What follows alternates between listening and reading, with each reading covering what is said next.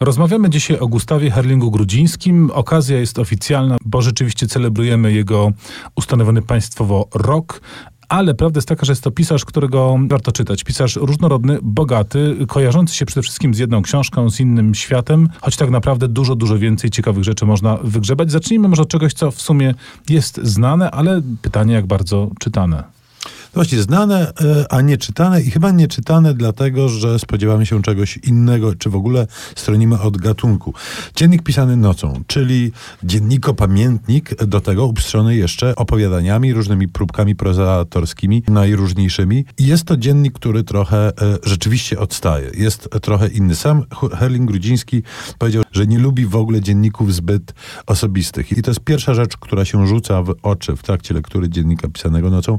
Autor jest tutaj z boku. On rzeczywiście pisze o tym, co widzi, pisze o tym, czego doświadcza, ale się nam nie narzuca. Nie jest takim narcystycznym narratorem, który opowiada nam o tym, co zjadł dziś na śniadanie. Chociaż akurat, y, zważywszy na to, że mieszka we Włoszech, to mógłby sporo o tym napisać. Mogło być to rzeczywiście interesujące. Ja ostatnio byłem świadkiem takiego czytelniczego e, wyznania, e, spowiedzi wręcz. E, pewna osoba inteligentna i oczytana powiedziała mi, że już nie ma z kim rozmawiać o książkach.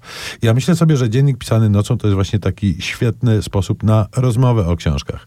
Heli Grudziński bardzo dużo pisze tu o literaturze w sposób bardzo e, przystępny, rozsądny i nierozwleczony.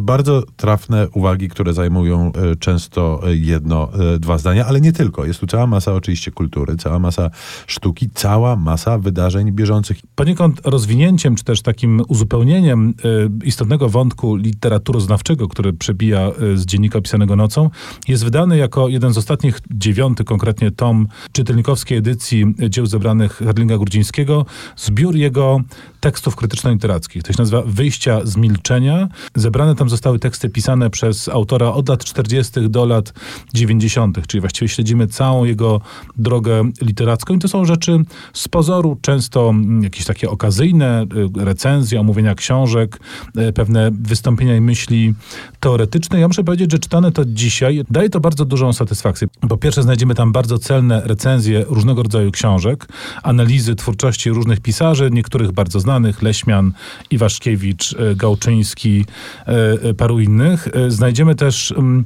recenzje złośliwe, recenzje negatywne. Fantastyczny jest na przykład fragment poświęcony kamiennym tablicom pana Żukrowskiego, ale to, co wydaje mi się być szczególnie interesujące, to są te takie teksty, w których przebija pewna, pewien głębszy namysł nad tym, czym jest bycie pisarzem. Na przykład w tekście Literatura wolna i upaństwowiona, który był takim krótkim y, komentarzem wygłoszonym po przyjęciu przez Herlinga Grudzińskiego pewnej nagrody. Czy w innym krótkim szkicu pod tytułem Klęska i bunt dworzanina.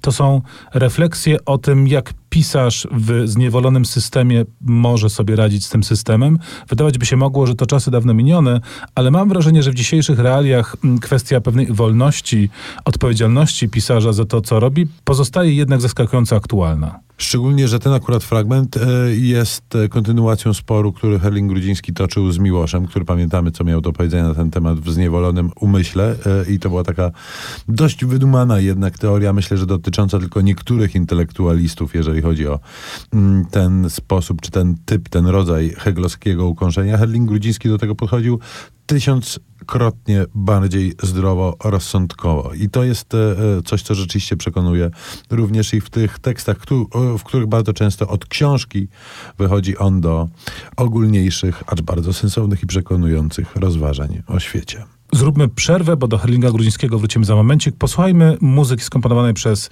Edwarda Artemiewa do filmu Spaleni Słońcem Nikity Michałkowa, no bo w końcu rosyjskie wątki u Herlinga Grudzińskiego ważne są ogromnie.